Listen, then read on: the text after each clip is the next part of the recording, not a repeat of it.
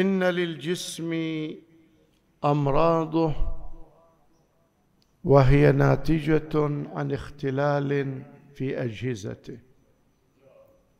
وعلاجه يتم من خلال إرجاع وضعه إلى ما كان عليه. والإنسان يستشعر أمراض جسمه فقد من الله علينا بالألم. ولولا الألم لما شعرنا بوجود خلل ولما سعينا للعلاج. كما أن للجسد امراضه للنفس أمراضها. والقرآن يعبر عن النفس بالنفس وقد يعبر عنها بالقلب. فالقلب هو النفس المدركة. والقرآن يقول في قلوبهم مرض.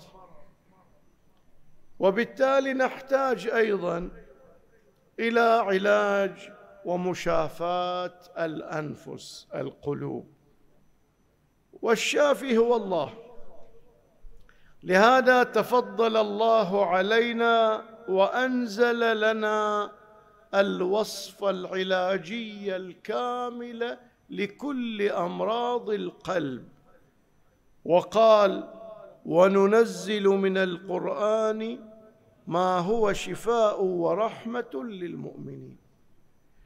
وإذا كنا لا نفهم كل ما أنزل على رسول الله صلى الله عليه وآله فإن الله قد تفضل وجعل من رسول الله صلى الله عليه وآله ومن آله عليهم السلام ترجمان لهذا القرآن لهذه الوصفة الطبية. يقول تعالى وأنزلنا إليك الذكر لتبين للناس ما نزل إليهم. فالنبي صلى الله عليه وآله هو الذي يبين لنا حاجتنا في المعالجة.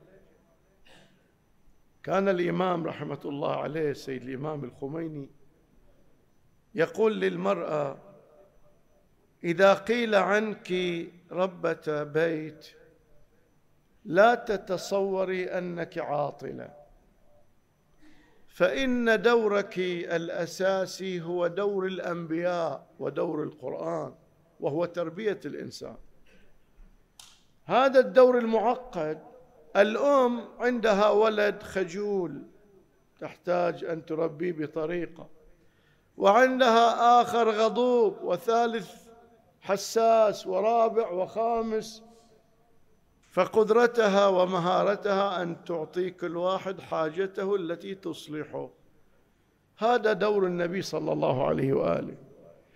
النبي الكريم هو الذي أنزلت عليه الوصف الكامل المناسب لكل مريض مريض.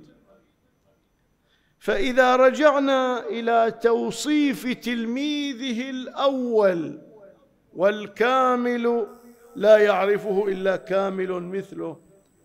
علي عليه السلام حينما وصف رسول وصف رسول الله صلى الله عليه وآله ماذا قال؟ قال عنه طبيب دوار بطبه نقف عند هذه النقطة. الأطباء على نحوين. اليوم أنت تسمع عن أطباء في عياداتهم. وتتصل وتأخذ موعد ومتى يجي دورك و... وفي أطباء بلا حدود.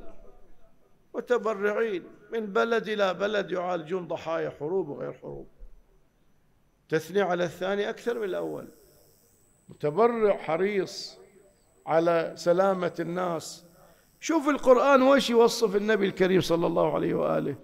يقول تعالى لقد جاءكم رسول من أنفسكم عزيز عليه ما عنتم حريص عليكم بالمؤمنين رؤوف رحيم. هذا توصيف القرآن لرسول الله. فإذا كان حريص علينا رؤوف بنا هل ينتظر أن نقصده ليعالجنا؟ كان صلوات الله عليه يبحث عن من يستمع إليه. وكان عند أصحابه إن سألوه أجابهم وإن سكتوا ابتدأهم. ما يبخل عليهم بأي شيء يعالج الانفس طبيب دوار بطبه ثم قال قد أحكم مراهمه وأحمى مواسمه.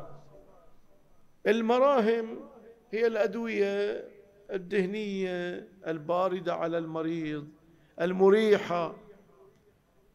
وفي المقابل هناك العلاج بالكي وآخر الدواء الكي حرق الام فالنبي صلى الله عليه وآله بما أنه الطبيب الماهر بعضنا يحتاج إلى أسلوب لين ليشفى من مرض قلبه وبعضنا يحتاج إلى تجديد وحينما تذهب لسيرته تجده يتعامل مع الخطائين مرة بشدة ومرة بلين لأنه يعرف ما يصلح هذا المخطئ ويرده سليم القلب. فإذا تارة يكون الأسلوب الناجح هو برهم وتارة عملية جراحية فيها جرح كبير وألم شديد. لكن المريض يشكر الطبيب في الحالتين لأن لينه وشدته لصالح المريض. فينظر إليه نظر أن هذا يرحمني ويسعى لمشافاتي. لكن تعبير أمير المؤمنين ما قال أحكم مرهمة وأحمى موسمة بل قال مراهم ومواسم لأن حتى اللين أساليب متنوعة ومستويات مختلفة وحتى الشدة أساليب مختلفة. إحنا حتى في النهي عن المنكر باللين. ما ينفع اللين تتدرج شدة قليلة ما ينفع شدة أكثر. ما يجوز تروح للشدة القوية مع إمكان أن ينصلح باللين أو بشدة خفيفة. لأن الآخر له كرامة. فبقدر ضرورة إصلاحه يجوز. النبي صلى الله عليه وآله في أساليب اللين متعددة وأساليب الشدة متعددة. ومن يقرأ سيرته في معاملته مع الصحابة يعرف هذا المعنى جيدا. ثم قال يضع ذلك حيث الحاجة إليه. هذا اللين والشدة. من قلوب عمي. القلب في التعبير القرآني النفس المدركة هذه النفس تدرك ولا تدرك. إذا الإنسان رفع الموانع انفتح القلب على الهداية. إذا أغلق قلبه صار القلب أعمى. أم على قلوب أقفالها؟ قال وآذان صم وألسنة بكم. هذا القلب عطل عن الإدراك بالعناد. وهذه الآذان أغلقت فالحق يطرح أمامها ولا تسمعه كالموتى. وألسنة بكم لا تنطق بحق ولا تريد أن توحد. ثم قال متتبع بدوائه مواضع الغفلة ومواطن الحيرة. هو الإنسان متى ينتكس على نفسه؟ إذا غفل. ويوم القيامة يعاتبونه شنو؟ يقولون له لقد كنت في غفلة من هذا. الغفلة هي سبب التراجع والتسافل. فالإنسان عليه أن يعيش حالة الذكر فإن الذكر شفاء للقلوب. إذا نحن الآن استمعنا لتوصيف من أمير المؤمنين إلى لرسول الله صلى الله عليه وآله. ما هو موقعنا نحن؟ نحن المرضى. نحن أبتلينا وهذا الابتلاء إما يرتقي بنا سريعا إلى أعلى الدرجات وإما ننحدر. أننا نعيش في زمن فقد نبينا صلى الله عليه وآله وغيبة ولينا وغيبة ولينا. نحن في زمن ليس معنا من يباشر عملية المعالجة. لكن الإمام لم يغب لم يغب حتى أعطينا من الروايات ما تحدد لنا الوصفات العلاجية. أنا أقدر أروح أشوف روايات؟ لا عندنا العلماء الذين أرجعنا إليهم في زمن الغيبة. مثلا عندنا كتاب جامع السعادات. طيب إنسان يقرأ هذا الكتاب. أنت إذا تدخل على الطبيب أول شيء يسألك الطبيب ماذا تشعر؟ يريد منك أن تفصح بآلامك وكيفياتها التي نسميها أعراض المرض. ومظاهر وجود المرض ومن خلال الأعراض يشخص المرض الذي فيك. بعد أن يشخص المرض يبدأ بالمعالجة يطرح لك الوصفه الدوائيه التي عليك أن تنتظم بها. إحنا أمراض قلوبنا شنو؟ الشك الشرك الرياء الحسد الحقد هي أمراض قلوب. تعال نموذج مثلا مثلا الرياء إذا نروح للنصوص المروية تذكر ومن علامات المرائي كذا وكذا وكذا. فالواحد جيد يقول أنا الآن أعطوني اختبار أقدر أسويه في البيت. مو لازم أروح المختبر في البيت. هل أنا مرائي أو لا؟ هل أنا أنشط أمام الناس وأكسل إذا وحدي؟ هل أنا أحب الثناء علي والإطراء بما ليس في؟ أشوف العلامات إذا موجودة أقول إذا أنا مريض بمرض الرياء المرحلة الأولى الروايات شخصتني مريض. المرحلة الثانية كيف أعالج الرياء موجود الطريقة. في مثل كتاب جامع السعادات في في عدة أمراض قلبية وفي أعراضها وآثارها. الآثار والمفاسد تخليني تتولد عندي إرادة. يعني الآن أدخل على الطبيب يقول لي ياك سكري. يريد يخوفني؟ يقول لي إذا ما تنتظم في الأكل بيصيدك بيصيدك بيصيدك. هاي اللي ما يخوف. هو يريد يولد إرادة في نفسي أن أنتظم في العلاج. وفي التخلص من سبب المرض.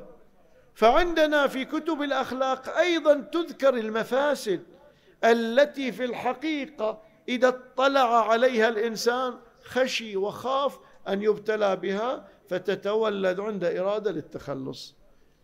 إذا نحن بحاجة أن نقتني كتبا فيها خلاصة ما جاء في الروايات من أعراض أمراض القلوب ومن طريقة المعالجة. وأيضا أن نقرأ سيرة النبي صلى الله عليه وآله. فإن السيرة علاج وتحصين. كيف يعني؟ يعني كمثال الآن تعرف واحد كان سمين.